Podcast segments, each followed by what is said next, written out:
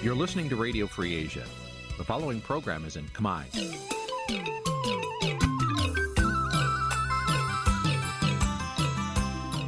នេះជាកម្មវិធីផ្សាយ Vuthu Azizi Serai នេះជាកម្មវិធីផ្សាយរបស់ Vuthu Azizi Serai ជាភាសាខ្មែរ Vuthu Azizi Serai សូមស្វាគមន៍លោកអ្នកនាងទាំងអស់ពីរដ្ឋធានី Washington នៃសហរដ្ឋអាមេរិក ចាប់ពីរដ្ឋធានី Washington នាងខ្ញុំម៉ៅសុធានីសូមជម្រាបសួរលោកអ្នកស្ដាប់ទាំងអស់ជាទីមេត្រីចានាងខ្ញុំសូមជូនការផ្សាយសម្រាប់ព្រឹកថ្ងៃប្រហ័ស100ខែចែកឆ្នាំខាលចត្វាស័កពុទ្ធសករាជ2566ហើយដល់ត្រូវនៅថ្ងៃទី6ខែមេសាគ្រិស្តសករាជ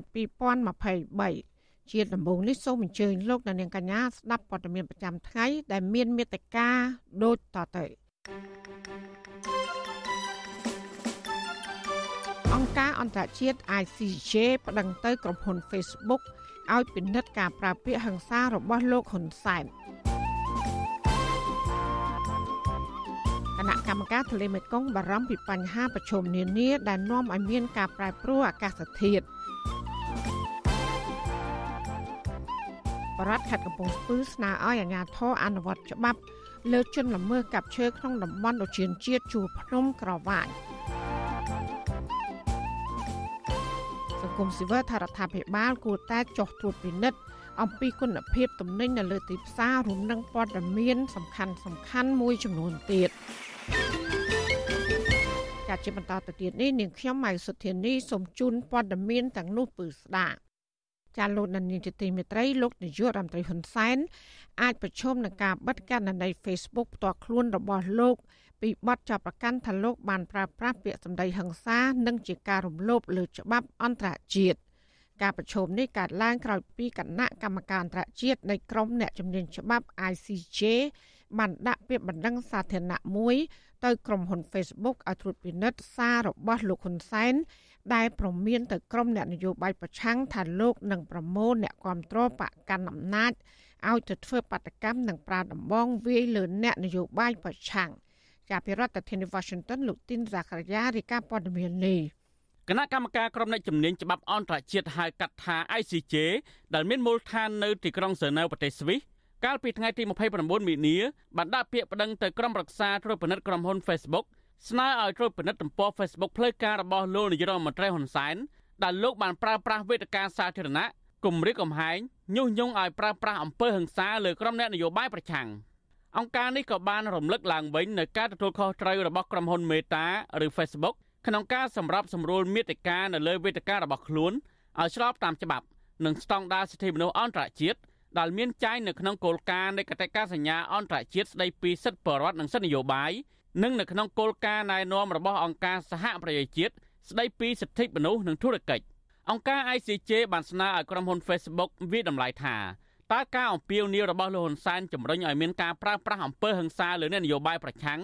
នៅក្នុងបរិបទទូទៅនៃស្ថានភាពសិទ្ធិមនុស្សដ៏អាក្រក់និងការដើរថយក្រោយនៃលទ្ធិប្រជាធិបតេយ្យនៅកម្ពុជាមុនពេលបោះឆ្នោតនៅខែកក្កដាខាងមុខមកដល់រួមទាំងអំពើហិង្សានិងការបង្ក្រាបកើតឡើង ជាបន្តបន្ទាប់លើអ្នកនយោបាយប្រឆាំងអាចនាំឲ្យមានហានិភ័យពិតប្រាកដនៃការរំលោភសិទ្ធិមនុស្សឬបង្កឲ្យគ្រោះថ្នាក់ដល់អ្នកនយោបាយប្រឆាំងដែរឬទេ លើសពីនេះអង្គការនេះក៏ស្នើឲ្យក្រុមហ៊ុន Facebook ហាមឃាត់កុំឲ្យមេតិការដែលញុះញង់បង្កឲ្យកើតមានអំពើហិង្សាអរិយភាពឬការរើសអើងនឹងត្រូវតែដកចេញនៅសន្ទរកថាដែលបង្កគ្រោះថ្នាក់ចេញពីមាត់អ្នកដឹកនាំប្រទេសដ៏មានឥទ្ធិពលនៅមុនការបោះឆ្នោតអង្គការនេះបន្ថែមថាស្ថិតនៅក្រោមច្បាប់សិទ្ធិមនុស្សអន្តរជាតិក្រុមហ៊ុន Facebook មិនត្រូវអនុញ្ញាតឲ្យការបញ្ចេញមតិបែបញុះញង់ឲ្យមានអំពើហិង្សា คล้ายជាព័ត៌មានមានតម្លៃផ្សាយទៅដល់បរិបទទូទៅឬការផ្ដាល់ទម្រង់បញ្ចេញមតិដែលត្រូវហាមឃាត់ឡើយវិទ្យុអាស៊ីសេរីមិនអាចតតងក្រុមហ៊ុន Facebook ដើម្បីសួរអំពីបញ្ហានេះបានទេនៅថ្ងៃទី5មេសា ICJ គឺជាអង្គការក្រៅរដ្ឋាភិបាលបានបង្កើតឡើងតាំងពីឆ្នាំ1952អង្គការនេះមានសមាជិកចៅក្រមនិងមេធាវីល្បីៗ60នាក់មកពីជំនាញពិភពលោកដែលផ្ដោតលើការលើកកម្ពស់សិទ្ធិមនុស្សនិងយុត្តិធម៌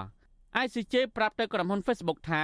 ការផ្សាយផ្ទាល់តាម Facebook ផ្លូវការរបស់លោកហ៊ុនសែនកាលពីថ្ងៃទី8មករាគឺលោកហ៊ុនសែនបានប្រមានដោយផ្ទាល់ទៅក្រុមអ្នកនយោបាយប្រឆាំងថាលោកនឹងអាចប្រមូលអ្នកគាំទ្រគណៈបកកណ្ដាលអំណាចនិងប្រើដំបងវាយដំលើអ្នកនយោបាយប្រឆាំងទាំងនោះដល់ផ្ទះនៅដើមឆ្នាំ2023លោកហ៊ុនសែនបានប្រើប្រាស់វេទិកាសាធារណៈជួបជុំបរដ្ឋនិងនិស្សិតស្ទើរគ្រប់កន្លែងហើយបានប្រមានទៅក្រុមអ្នកនយោបាយគណៈបកភ្លើងទៀនជារឿយៗ ដោយប្រើសម្ដីអសុរោះនិងខឹងច្រឡោតថាលោកអាចប្រើប្រាស់ទាំងតឡាការនិងច្បាប់ព្រៃដើម្បីកំទេចមន្ត្រីគណៈបកប្រឆាំងប្រសិនបើពួកគេនៅតែហ៊ាននិយាយប៉ះពាល់ឬការវាយប្រហារកណ្ដាលគណៈបកកណ្ដាលអំណាច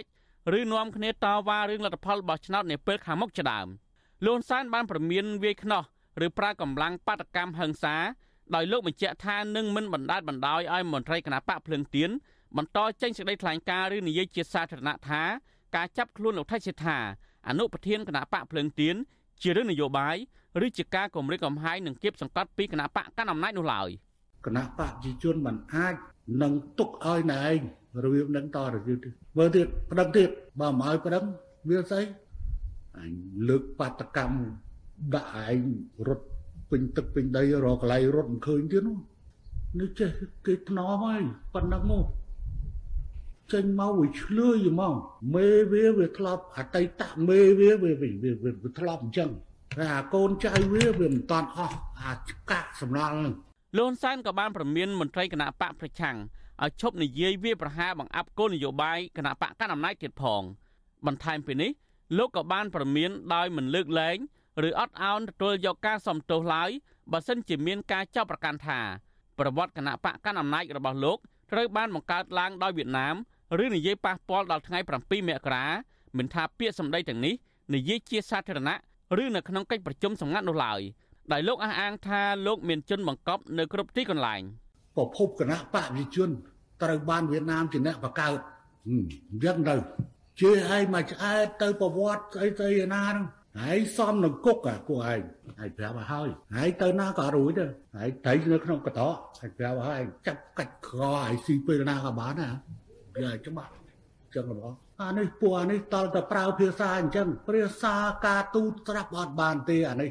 ស្របពេលការបោះឆ្នោតជ្រើសតាំងតំណាងរាស្ត្រអាណត្តិទី7នៅខែកក្កដាខាងមុខនេះអាចនឹងត្រូវបានសហគមន៍អន្តរជាតិមិនទទួលស្គាល់លទ្ធផលផងនោះលោកហ៊ុនសែនក៏ប្រមានបន្តថា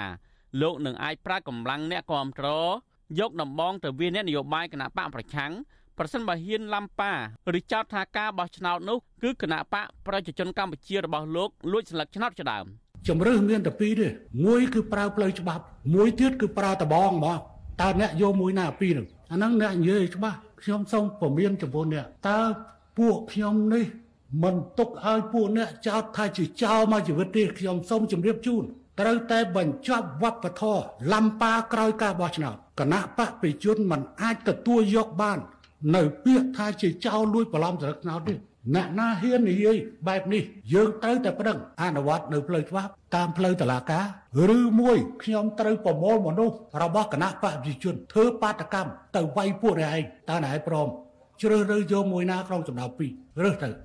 ពាក់ព័ន្ធនឹងអង្គការ ICJ ប្តឹងលោកហ៊ុនសែនទៅក្រុមហ៊ុន Facebook ឲ្យពិនិត្យជំវិញនឹងការប្រើប្រាស់ពាក្យសម្ដីហិង្សានេះត្រូវបានមន្ត្រីអ្នកណែនាំពាក្យគណៈបកកណ្ដាលអំណាចលោកសុកអេសានជឿជាក់ថាក្រុមហ៊ុន Facebook នឹងមិនចាត់ការអ្វីឡើយដោយលោកអះអាងថាអ្វីដែលលោកហ៊ុនសែនបានប្រមានប្រើប្រាស់ហិង្សានោះគឺដើម្បីការពារសន្តិភាពស្ថិរភាពនយោបាយនិងសេចក្តីសុខជូនប្រជាពលរដ្ឋទៅវិញ។ ហើយអានឹងគឺថាប្រសាសន៍របស់សម្ដេចតេជោហ៊ុនសែនគឺមានអត្តន័យដើម្បីការពារសិទ្ធិសេរីភាពរបស់ប្រជាពលរដ្ឋសិទ្ធិរស់រានមានជីវិតសិទ្ធិក្នុងការបញ្ចេញមតិសិទ្ធិក្នុងការរស់នៅជួបជុំក្រុមគ្រួសារនិងសិទ្ធិនៅក្នុងសេចក្តីសុខសាន្តសានរបស់ប្រជាជនទូទាំងប្រទេសអាហ្នឹងគឺតាមមតិរបស់គាត់គឺដើម្បីការពារសិទ្ធិសេរីភាពរបស់ប្រជាពលរដ្ឋហើយនៅសហរដ្ឋអាមេរិកឯនេះវិញក្រុមហ៊ុនបណ្ដាញផ្សព្វផ្សាយសំខាន់សំខាន់ចំនួន3 ដូចជា Facebook Twitter និង YouTube បានផ្ដាច់មិនអោយអតីតប្រធានាធិបតីអាមេរិកលោក Donald Trump ប្រើប្រាស់បន្ទាប់ពីលោកបានគាំទ្របាតកោចូលវាយប្រហារវិមានរដ្ឋសភាកាលពីឆ្នាំ2021ទំព័រ Facebook របស់លោក Donald Trump ត្រូវបានបើកឲ្យដំណើរការឡើងវិញកាលពីខែកុម្ភៈបន្ទាប់ពីបានផ្អាកអស់រយៈពេលជាង2ឆ្នាំតែទៅនឹងបញ្ហានេះមន្ត្រីនាំពាក្យសមាគមការពារសិទ្ធិមនុស្សអាត់ហុកលោកសង្សានករណាលើកឡើងថាការថ្លែងសាររបស់អ្នកនយោបាយ គឺតែងតែមានបរិវត្តនិងយុវជនស្ដាប់ច្រើនដូច្នេះលោកចង់ឃើញអ្នកនយោបាយទាំងអស់ទាំងអ្នកប្រឆាំងនិងអ្នកកំពុងតែកាន់អំណាចគួរតែបញ្ចេញមតិបែបអហិង្សា មានក្រមសីលធម៌និងបែបអប់រំដាស់តឿនដើម្បីសាបព្រោះទៅដល់បរិវត្តនិងយុវជនឲ្យយកគំរូសម្រាប់ការរស់នៅប្រចាំថ្ងៃ។ មិនថាអ្នកនយោបាយទេនៅក្នុងអ្នកសង្គមអ្នកជំនួញដែលមានមុខមាត់អបញ្ញា អីជាដើមណានៅក្នុងតាមទីសាធារណៈគឺក៏ការថ្លែងសារតាមប្រព័ន្ធផ្សព្វផ្សាយផ្សេងផ្សេងគួរតែប្រកាន់អេរិយាបថមានក្រមសីលធម៌ខ្ពស់ ណាពីព្រោះរាល់កម្មភាពរាល់កាយវិការពាក្យសម្ដីរបស់ពួកគាត់នឹងត្រូវបានសាធារណជនមានការតាមដានក្នុងនឹងមានទាំងយុវជនដែលជាអ្នកចំនួនក្រោយផងអញ្ចឹងបើសិនជាការសាបព្រោះនៅវោហារសាស្ត្រនយោបាយក្តីនៅវោហារសាស្ត្រគម្រាមកំហែងហិង្សាពោពេញដោយហិង្សាវាអាចសាព្រោះទៅដល់អ្នកចំនួនក្រោយការដាក់ពាក្យប្តឹងរបស់អង្គការអន្តរជាតិ ICJ ទៅក្រុមហ៊ុន Facebook នេះបង្ហាញថាកេរ្តិ៍ឈ្មោះលោកហ៊ុនសែនកំពុងតែមានក្លិនអាសោច ល្បីរន្ទឺសោកសាយកាន់តែខ្លាំងក្នុងពិភពលោកក្នុងនាមជាមេដឹកនាំចាស់វស្សាម្នាក់ជាពិសេសគឺគំរូអាក្រក់ដែលលោកហ៊ុនសែនចូលចិត្តប្រើពាក្យហិង្សាញុះញង់ឲ្យមានការវាយដំទាត់ធាក់នេះជាដើមលើសពីនេះលោកហ៊ុនសែនក៏ចូលចិត្តប្រើពាក្យអាស្រោះជេរប្រតិចមិនញញើតមាត់ដែលលោកហ៊ានជេរទាំងក្រហោះនិងប្រសង់ដែលរិះគន់ការដឹកនាំផ្ដាច់ការរបស់លោកដែលរំលោភសិទ្ធិមនុស្សនិងបំផ្លាញប្រជាធិបតេយ្យខណៈលោកកំពុងតែព្យាយាមរក្សាអំណាច និងផ្ទេរអំណាចតពូជទៅឲ្យកូនប្រុសរបស់លោកនៅពេលខាងមុខខ្ញុំធីនសាការីយ៉ាស៊ីសេរីប្រធានីវ៉ាស៊ីនតោនចាលោកនានីជាទីមេត្រីតកតងនឹងទន្លេមេគង្គវិញគណៈកម្មការទន្លេមេគង្គបានប្រមានដល់ប្រទេសជាសមាជិកឲ្យចាត់វិធានការជាបន្ទាន់អំពីការកើនឡើងនៃការបំពុលផ្លាស្ទិកការឈាបចូលនៃជាតិប្រៃទឹកជំនន់និងការរាំងស្ងួតដែលជំរុញឲ្យមានការប្រែប្រួលអាកាសធាតុ ការប្រមាននេះធ្វើឡើងក្នុងកិច្ចប្រជុំកំពូលនៃគណៈកម្មការទន្លេមេគង្គលើកទី4នៅឯទីក្រុងវៀងច័ន្ទប្រទេសឡាវហើយដែលលោកហ៊ុនសែនក៏បានទៅចូលរួមនោះដែរចាលោកមានរដ្ឋាភិការព័ត៌មាននេះនៅឯកិច្ចប្រជុំកំពូលគណៈកម្មការទន្លេមេគង្គលើកទី4លោកហ៊ុនសានលើកឡើងថាអាងទន្លេមេគង្គមានគ្រាប់មិនទាន់ផ្ទុះជាច្រើនដែលត្រូវយកចិត្តទុកដាក់ដើម្បីបញ្ជៀសនូវការបង្កគ្រោះថ្នាក់ដល់ប្រជាពលរដ្ឋរស់នៅតាមដងទន្លេមេគង្គ កិច្ចប្រជុំកំពូលគណៈកម្មការទន្លេមេគង្គលើកនេះផ្ដោតសំខាន់លើការលើកកម្ពស់កិច្ចខិតខំប្រឹងប្រែងរួមគ្នាក្នុងគោលបំណងអភិវឌ្ឍក្នុងអាងទន្លេមេគង្គនិងពិភាក្សាអំពីបញ្ហាប្រឈមដែលកំពុងកើតមាននៅក្នុងអាងទន្លេមេគង្គដើម្បីរួមគ្នាដោះស្រាយបញ្ហាប្រឈមនៃអាងទន្លេមេគង្គឲ្យមានប្រសិទ្ធភាព នាយកប្រតិបត្តិលេខាធិការដ្ឋាននៃគណៈកម្មការទន្លេមេគង្គបានលើកឡើងនៅបញ្ហាប្រឈមរបស់ទន្លេមេគង្គដែលគួរឲ្យព្រួយបារម្ភផ្ដោតលើទស្សនវិជ្ជាមួយចំនួនរួមមានដូចជា របបរំហូរទឹកកំណកកកការជ្រៀតជ្រែកទឹកប្រៃការបំពុលដោយផ្លាស្ទិកទឹកជំនន់និងគ្រោះរាំងស្ងួតជាដើមប្រពន្ធដដាលបញ្ជាក់ថាកាលពីឆ្នាំមុននាយកប្រតិបត្តិលេខាធិការដ្ឋាននៃគណៈកម្មការទន្លេមេគង្គបណ្ឌិតអនុលក្ខកតិខួនបានប្រមានពីហានិភ័យ នៃរំហូរទឹកទន្លេមេគង្គដែលស្ថិតនៅក្នុងកម្រិតទាបក្នុងរយៈពេល4ឆ្នាំជាប់ជាប់គ្នាដែលជាបញ្ហាប្រឈមមិនធ្លាប់កើតមានសម្រាប់ដងទន្លេ និងប្រជាពលរដ្ឋអ្នកនេសាទនិងប្រជាកសិករដែលពឹងអាស្រ័យផលតាមទន្លេគណៈកម្មការទន្លេមេគង្គឲ្យដឹងថារយៈពេលមួយទសវត្សរ៍មកនេះរំហួតទឹកនៅរដូវប្រាំងមានកម្រិតខ្ពស់ជាងមុនក៏ប៉ុន្តែកម្រិតទឹកទន្លេស្ថិតនៅក្នុងកម្រិតទាបនៅរដូវវស្សា នាយកប្រតិបត្តិលេខាធិការដ្ឋាននៃគណៈកម្មការទន្លេមេគង្គអំពាវនាវដល់បណ្ដាប្រទេសជាប់ដងទន្លេមេគង្គទាំងអស់ឲ្យចាត់វិធានការដោះស្រាយបញ្ហាប្រឈមជាបន្ទាន់ជាមួយដៃគូភាគីពាក់ព័ន្ធនៅក្នុងការដោះស្រាយបញ្ហាប្រឈមឲ្យសកម្មនាយកប្រតិបត្តិអង្គការបណ្ដាញការពារទន្លេ3លោកលៀងប៊ុនលៀបប្រាប់វិសុយស៊ីស្រីថាបញ្ហាប្រឈមនានានៅតាមផ្ទៃទន្លេមេគង្គ គឺដោយសារតែការបិទបើកទ្វារទឹកនៃទំនប់វារីអគ្គិសនី ពីប្រទេសចិនពុំមានដំណាភាពនិងមិនប្រក្រតីនារយៈពេលប្រមាណឆ្នាំចុងក្រោយនេះលោកបានថែមថាអ្វីត្បិតតែគណៈកម្មការទន្លេមេគង្គពុំមានសិទ្ធិអំណាចដាក់កំហិតដល់ភាគីដែលមិនគោរពតាមកិច្ចព្រមព្រៀងយ៉ាងណាក៏ដោយក៏លោកថាភាគីដែលជាសមាជិកឬប្រទេសជាប់ទន្លេមេគង្គគួរលើកឡើងនៅបញ្ហាប្រឈមដែលកំពុងកើតមានឡើងដើម្បីស្វែងរកដំណោះស្រាយ ហើយកន្លងមកទៀតតមានការប្រជុំជជែកគ្នាគឺទីខាងចិនក៏ព្រមចែករំលែកព័ត៌មានមកក៏ប៉ុន្តែព័ត៌មាននោះខ្ញុំអត់ដឹងថាដល់ថ្ងៃនេះតើវាបានចែកបានកម្រិតណាលោកមិនទាន់ឃើញឡើយអញ្ចឹងអានេះឯងគឺជាបញ្ហាព្រួយបារម្ភពីព្រោះប្រទេសនៅខាងលើគាត់ពុំបានយកចិត្តទុកដាក់នៅបែបខាងក្រោមទេគាត់យកចិត្តទុកដាក់ទៅលើផ្នែកសេដ្ឋកិច្ចផ្នែកសេដ្ឋកិច្ចរបស់គាត់គាត់ធ្វើជាងទៅដើម្បីឲ្យបានការផលិតភ្លើងដើម្បីទាក់ទាញវិនិយោគទុនដើម្បីសេដ្ឋកិច្ចគាត់បានរីកចម្រើនភ្លើងបានច្រើនលក់បានថ្លៃ លោកលៀងបន្លាបពន្យល់ថាការដែលភៀកគីចិនបិទបើកទំនប់វារីអគ្គិសនីមិនប្រក្រតីគឺធ្វើឲ្យចរន្តផ្ទៃទឹកទន្លេមេគង្គប្រែប្រួលដែលជាហេតុធ្វើឲ្យធនធានជីវៈចម្រុះនៅក្នុងផ្ទៃបឹងទន្លេមេគង្គរងនឹងការបំផ្លិចបំផ្លាញនិងប៉ះពាល់ដល់ប្រជាពលរដ្ឋដែលរស់នៅតាមដងទន្លេមេគង្គផងដែរ ជាមួយគ្នានេះមន្ត្រីកម្មវិធីស្រាវជ្រាវនឹងតស៊ូមតិនៃសមាគមបណ្ដាញយុវជនកម្ពុជា លោកហេងកំហុងថ្លែងថាផ្ទៃទន្លេមេគង្គនៅតែស្ថិតនៅក្នុងស្ថានភាពគួរឲ្យព្រួយបារម្ភ ដោយសារតែមានការពង្រីកការកសាងទំនប់វារីអគ្គិសនីនៅប្រទេសចិន ដែលធ្វើឲ្យមានការរីកសាយភាយកាកសំណល់គីមីហូរចូលទឹកទន្លេជាពិសេសបណ្ដាប្រទេសមួយចំនួនដែលជាប្រទេសរងគ្រោះរួមមានកម្ពុជាឡាវនិងថៃដែលមិនសូវកសាងទំនប់វារីអគ្គិសនីហ្នឹងហើយក៏ជាប្រទេសអាស្រ័យផលហ្នឹងគួរតែយកចិត្តទុកដាក់យ៉ាងណាជំរុញប្រទេសផ្សេងផ្សេងនៃតំបន់ទន្លេមេគង្គហ្នឹងពិចារណាបញ្ឈប់កម្មភាពដែលប៉ះពាល់នឹងគម្រាមកំហែងធ្ងន់ធ្ងរទៅដល់ទន្លេមេគង្គរកយន្តការផ្សេងផ្សេងក្នុងការទប់ស្កាត់កុំឲ្យមានការកាប់បំផ្លាញព្រៃឈើការគ្រប់គ្រងសំណល់ជីវសាស្ត្រសំណល់គីមីនិងសំណល់ប្លាស្ទិកឲ្យបានត្រឹមត្រូវកុំឲ្យមានការបង្ហូរចូលទៅក្នុងទន្លេដែលវាអាចធ្វើឲ្យប៉ះពាល់ទៅដល់សុខុមាលភាពទន្លេមេគង្គនិងជីវៈចម្រុះទន្លេមេគង្គកាលពីឆ្នាំ2018កម្ពុជាធ្លាប់ធ្វើជាម្ចាស់ផ្ទះរៀបចំកិច្ចប្រជុំកំពូលគណៈកម្មការទន្លេមេគង្គដែលបានជជែកបញ្ហានៃការកាប់បំផ្លាញព្រៃឈើផលប៉ះពាល់នៃការប្រែប្រួលអាកាសធាតុ បញ្ហាធម្មពលអគិសនីនិងបញ្ហាប្រឈមផ្សេងៗទៀតនៅក្នុងកិច្ចប្រជុំកំពូលគណៈកម្មការទន្លេមេគង្គលើកទី3នៅឯខេត្តសៀមរាបក៏ប៉ុន្តែរហូតមកទល់ពេលនេះលោកហ៊ុនសាននៅតែមិនអាចទប់ស្កាត់បញ្ហាកាប់បំផ្លាញព្រៃឈើនិងការកសាងទំនប់វារីអគ្គិសនីនៅសេសានក្រោម2ក្នុងខេត្តរតនគិរីដែលប៉ះពាល់ដល់ប្រជាពលរដ្ឋរាប់រយគ្រួសារនិងជនលិចដីស្រែចម្ការប្រមាណ30000ហិកតា ដែលរូបភាពទាំងនេះឆ្លុះបញ្ចាំងពីភាពអសកម្មរបស់លោកនៅក្នុងការដោះស្រាយបញ្ហាជូនប្រជាពលរដ្ឋមន្ត្រីសង្គមស៊ីវិលព្រួយបារម្ភថាប្រសិនបើបណ្ដាប្រទេសនៅជាប់ទន្លេមេគង្គពុំមានវិធានការទប់ស្កាត់ការកាប់បំផ្លាញព្រៃឈើតាមដងទន្លេមេគង្គនិងគ្មានការបង្កើតនូវយន្តការច្បាប់នានានោះទេ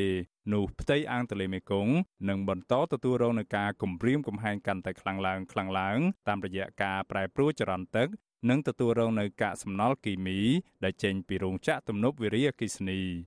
ខ្ញុំបាទមេរិត Visual C ស្រីពីរដ្ឋធានី Washington thank you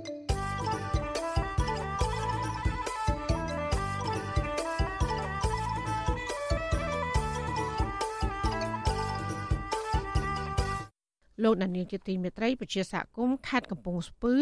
ថាជារៀងរាល់អាណត្តិនៅពេលដែលគៀកការបោះឆ្នោតជាតិអាជ្ញាធរតែងតែបណ្ដោយជនល្មើសកាប់ឈើដោយសេរីក្នុងតំបន់អភិរក្សពីព្រោះខ្លាចប៉ះពាល់សម្លេងឆ្នោតរបស់គណៈបកកាន់អំណាចក្តីបារម្ភនេះក្រោយពីប្រជាសហគមន៍បានរកឃើញសកម្មភាពកាប់ឈើធំធំ នៅក្នុងតំបន់ឧឈានជាតិជួរភ្នំក្រវ៉ាញកណ្ដាលហើយគ្មានអាជ្ញាធរណាទប់ស្កាត់នោះឡើយ។ ចានេះគឺជាសកម្មភាពរបស់លោកសនច័ន្ទរដ្ឋាជំវិញព័ត៌មាននេះប្រជាសកម្មការពីព្រៃឈើក្នុងវាលនៅឃុំតាសាស្រុករ៉ាល់ស្ដាយសំណោះដាំឈើធំធំភ ieck ច្រាមប្រភេទមរិញឬឈើរីកុលដែលដុះតាមជំរាបភ្នំឬក៏ចលងភ្នំនៅតែប្រឈមការកាប់ដួលស្ទើររាល់ថ្ងៃដោយគ្មានការរារាំងនៅឡើយទេពួកគាត់សង្កេតឃើញថាក្រុមជលមើប្រដាប់ដល់រណាយន្តនិងសម្ភារៈអាឈើច្រាមប្រភេទផ្សេងទៀតបានបោះតង់កាប់ឈើក្នុងព្រៃអភិរក្សមួយនេះដោយត្រូវបងលុយឆ្មាំអភិរក្សរបស់ក្រសួងបរិស្ថាន ជាធ្នូមិនអនុវត្តច្បាប់ដដែលប្រជាសកម្មការពីព្រៃឈើក្នុងវាលលោកស្រីខុនណៃបានប្រាប់វិទ្យុស៊ីសរ៉ៃថ្ងៃទី5ខែមេសាថាស្ទើររៀងរាល់ថ្ងៃក្រុងចលមើមានគ្នាជាង10នាក់បដាប់ដាំស៊ីនត្រង់សនើកាប់ឈើប្រភេទរីកុលអាចជ្រៀកក្នុងព្រៃរួចដុតទៅក្រៅធ្វើដាំឈើធំធំក្នុងតំបន់កែពីមីនេះបន្តបាត់បង់អត់ជប់ឈរដែលប៉ះពាល់ដល់ចម្រោះសាព្រៃដូចជាឈើមរិញឈើអីហ្នឹងក៏ធ្វើរាល់ថ្ងៃរាល់ថ្ងៃមកតាំង5ទីផ្សារ ដឹកជូនឡានមកដឹកជូនរហូតព្រួយបារម្ភថាអឺក្មេងៗតាក្រោយក៏អត់ដែលស្គាល់ព្រៃឈើអញ្ចឹងណាហើយណាមួយសត្វព្រៃចម្រោកសត្វព្រៃអញ្ចឹងទៅមានគេកាប់បំផ្លាញរហូតអញ្ចឹងទៅមុខទៅអត់អត់មានសត្វព្រៃទេលោកស្រីបន្តថាក្រុមអ្នកកាប់ឈើហាមខ្លាចច្បាប់នោះទេហើយពួកគេតនាំគ្នាអាចឈើលក់ដល់សេរីនៅតំបន់សាព្រៃរនៅនឹងឆ្លងកាត់ប្រជាសហគមន៍កែពីព្រៃឈើរំនេះបន្ថែមថាបលមើព្រៃឈើកើតមានការដឹកខ្លាំងនៅរយៈពេលជាង5ខែចុងក្រោយនេះ ដែលធ្វើដាំឈើធំធំដែលភ្ញៀវទេសចរតែឡើងភ្នំបតង់ថរុនិងគយគុណទេសភាពនៅតំបន់ក្នុងវាលនិងក្នុងផ្សារប្រឈមការកាប់ផ្ដួលធ្វើជីវកម្មអ្នកភូមិអស់ជំនឿលើសមត្ថភាពឆ្មាំបប្រាក់របស់ក្រសួងបរិស្ថាននិងអាជ្ញាធរពាក់ព័ន្ធដែលមិនទប់ស្កាត់បលមើព្រៃឈើទៅនេះច្រើនឆ្នាំមកហើយវិទ្យុអេស៊ីសេរីមិនតាន់អាចតតងសុំការបំភ្លឺរឿងនេះពីប្រធានមន្ត្រីប្រធានខេត្តកំពង់ស្ពឺលោកអោមម៉ាក់ធីរីនិងអភិបាលខេត្តកំពង់ស្ពឺលោកវីសំណាងបានណឡៃទេ នៅថ្ងៃទី5ខែមេសាប៉ុន្តែអភិបាលខេត្តរំនេះ ធ្លាប់ប្រាប់វិទ្យុអេស៊ីសេរីថានឹងចាំមន្ត្រីជំនាញពីនៅរឿងនេះដោយសារព្រៃឈើក្នុងបោះជាតិជាតិជាកលាអភិរក្សដែលត្រូវការពីបានតឹងរឹងលោកថាញាធមអនុញ្ញាតឲ្យមានការកាប់បំផ្លាញព្រៃឈើក្នុងតំបន់អភិរក្សនោះទេហើយមន្ត្រីជំនាញបន្តធ្វើកិច្ចការងារនេះជុំវិញរឿងនេះប្រធានអង្គការប្រឆាំងអំពើពុករលួយនិងទប់ស្កាត់ធនធានធម្មជាតិនិងការពារសិទ្ធិបរិលោកជាហ៊ានដែលតែងតែចងគេរឿងនេះយល់ថារដ្ឋាភិបាលគួរពិនិត្យមើលប្រសិទ្ធភាពការងារឆ្មាំអភិរក្សរបស់ក្រសួងបរិស្ថានឡើងវិញស្របពេលមន្ត្រីទៅនេះ មិនបានបំពេញទុននីតិនិងភារកិច្ចត្រឹមត្រូវតាមតែប្រពប្រសិទ្ធិអនុទេលោកថាមន្ត្រីជំនាញតែងតែអង្គុយនៅទីស្នាក់ការចាំទទួលលុយពីអ្នកដុតឈើធ្វើជាល្មើសមិនខ្លាចច្បាប់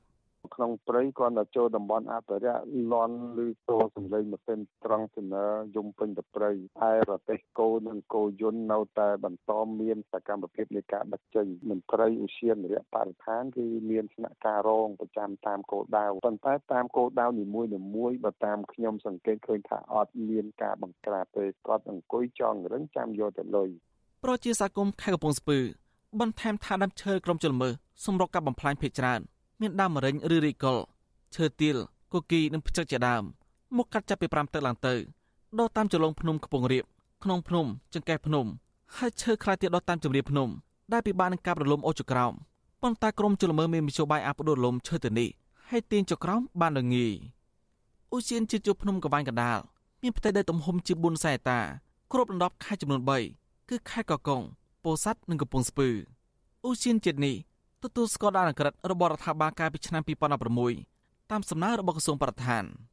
ចំណែកអង្គការឃ្លាំមើលព្រៃឈើពិភពលោករកឃើញថាគម្របព្រៃឈើជាមិនសែន40000ហិកតាឬក៏8.6%ត្រូវបានបាត់បង់ក្នុងតំបន់ជួរភ្នំក្រវាញចន្លោះពីឆ្នាំ2001ដល់ឆ្នាំ2019ខ្ញុំសនចាររថាវិទ្យុអេស៊ីសេរីរាយការណ៍ពីរដ្ឋធានីវ៉ាស៊ីនតោន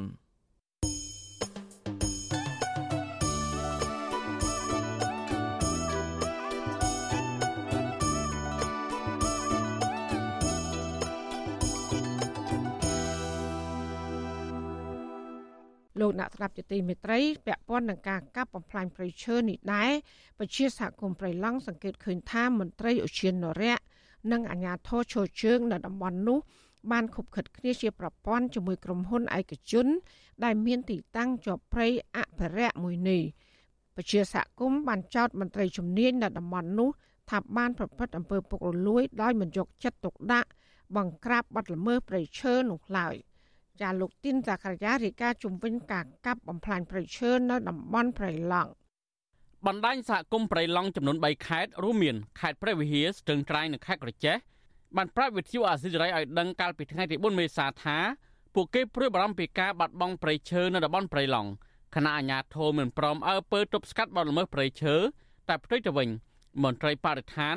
ព្យាយាមរារាំងក្រុមអ្នកចូលរួមការពារព្រៃឈើទៅវិញ។ អ្នកសម្របសម្រួលព្រៃឡង់ខេត្តព្រះវិហារលោកស្រីថៃឲ្យដឹងថាបទល្មើសព្រៃឈើនៅតំបន់ព្រៃឡង់កំពុងតែកើតមានកាន់តែខ្លាំងដោយសារមិនឃើញមានវិធានការទប់ស្កាត់ពីមន្ត្រីជំនាញនោះទេ តែផ្ទុយទៅវិញមន្ត្រីបរិស្ថានបានយាយីធ្វើទុកបុកម្នេញទៅលើសមាជិកបណ្ដាញសហគមន៍ព្រៃឡង់ទៅវិញលោកបញ្ជាក់ថាបើសិនជាអាជ្ញាធរមិនខົບខិតគ្នាជាប្រព័ន្ធនោះទេបទល្មើសព្រៃឈើនៅតំបន់ព្រៃឡង់នឹងមិនកើតមានឡើយ។ គាត់ថាមេការគាត់បានបងអោយមន្ត្រីបកឋានរួចរាល់ជាមុនអស់ហើយហើយគាត់មានអីរឿងខ្លាចគាត់ខ្លាចទេឃុំភូមិរហូតដល់ទៅស្រុកដែលគេទទួលយកផលរួចពីក្រុមហ៊ុននេះគេដឹកបានរលូនតាមចិត្តក្រុមស្នូព្រៃឡង់ខេត្តស្ទឹងត្រែងលោកខេងខូឲ្យដឹងដែរថាលោកព្រួយបារម្ភនឹងសោកស្ដាយយ៉ាងខ្លាំងចំពោះដែនចម្រុះសត្វព្រៃមួយនេះដោយសារតែសពថ្ងៃមានបទល្មើសចូលទៅកាប់ដឹកជញ្ជូនឈើចេញពីតំបន់ព្រៃឡង់ហើយអាជ្ញាធរនិងមន្ត្រីជំនាញមិនទប់ស្កាត់នោះទេ លោកសង្កេតឃើញថាមន្ត្រីបរិស្ថាននិងក្រុមឈ្មួញកំពុងតែសហការគ្នាយ៉ាងល្អដើម្បីកាប់បំផ្លាញព្រៃឈើ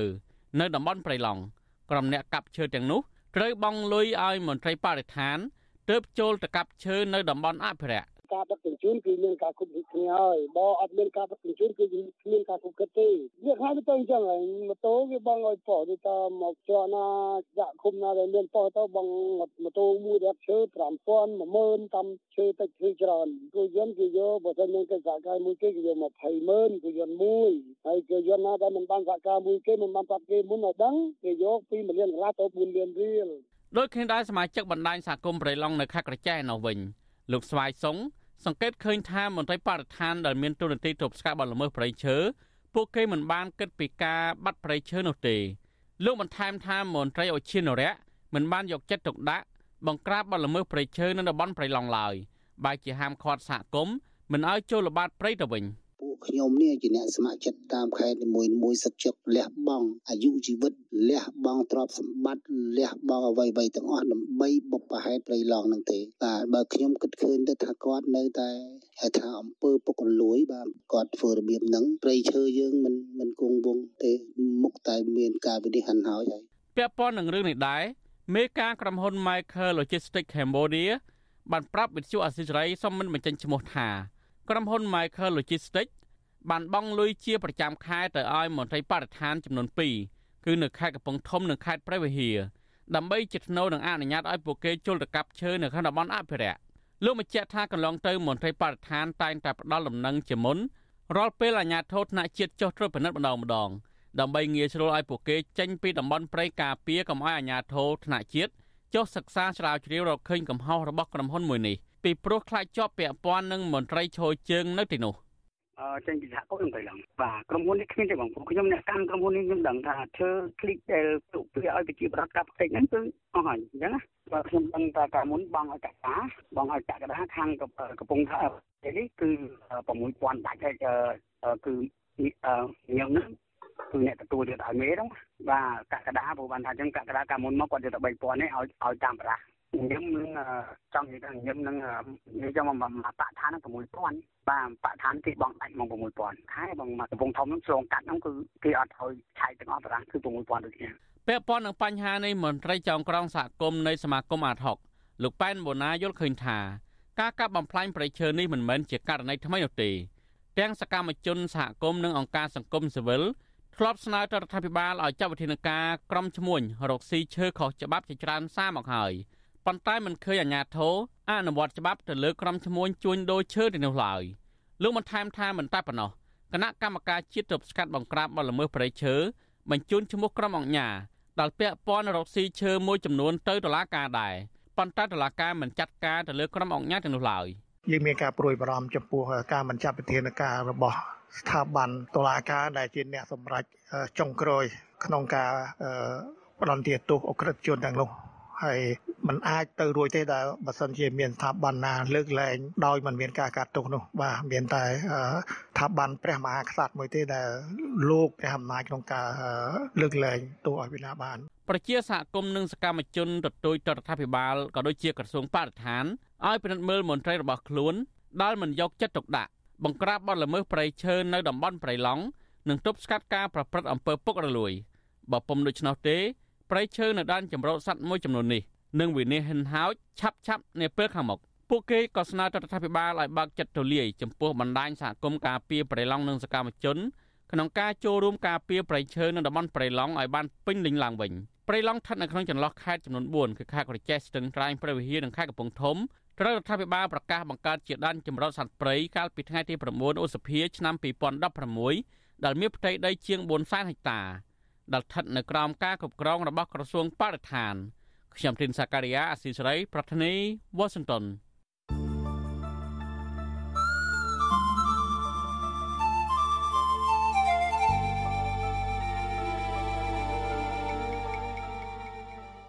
ចាលោកនាងកញ្ញាកំពុងស្ដាប់ការផ្សាយរបស់វិទ្យុអសីស្រីផ្សាយចេញពីរដ្ឋធានី Washington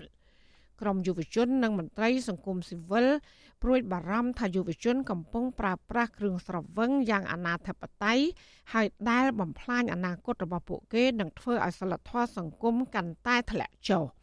ការព្រួយបារម្ភនេះកើតឡើងក្រោយពេលដែលពួកគាត់សង្កេតឃើញថាយុវជនមួយចំនួនខ្សែបគ្រឿងស្រវឹងដោយសេរីនិងថែមទាំងមានការបណ្ដោយឲ្យសិស្សយកគ្រឿងស្រវឹងគ្រប់ប្រភេទចូលក្នុងបរិវេណសាលារៀនថែមទៀតផង ចាសសេចក្តីរាយការណ៍ពីស្ដាមពីរឿងនេះលោកដានៀងនឹងបានស្ដាប់នាពេលបន្តិចទៀតនេះចាលោកដានៀងជាទីមេត្រីពាក់ព័ន្ធនឹងទំនិញនៅលើទីផ្សារវិញ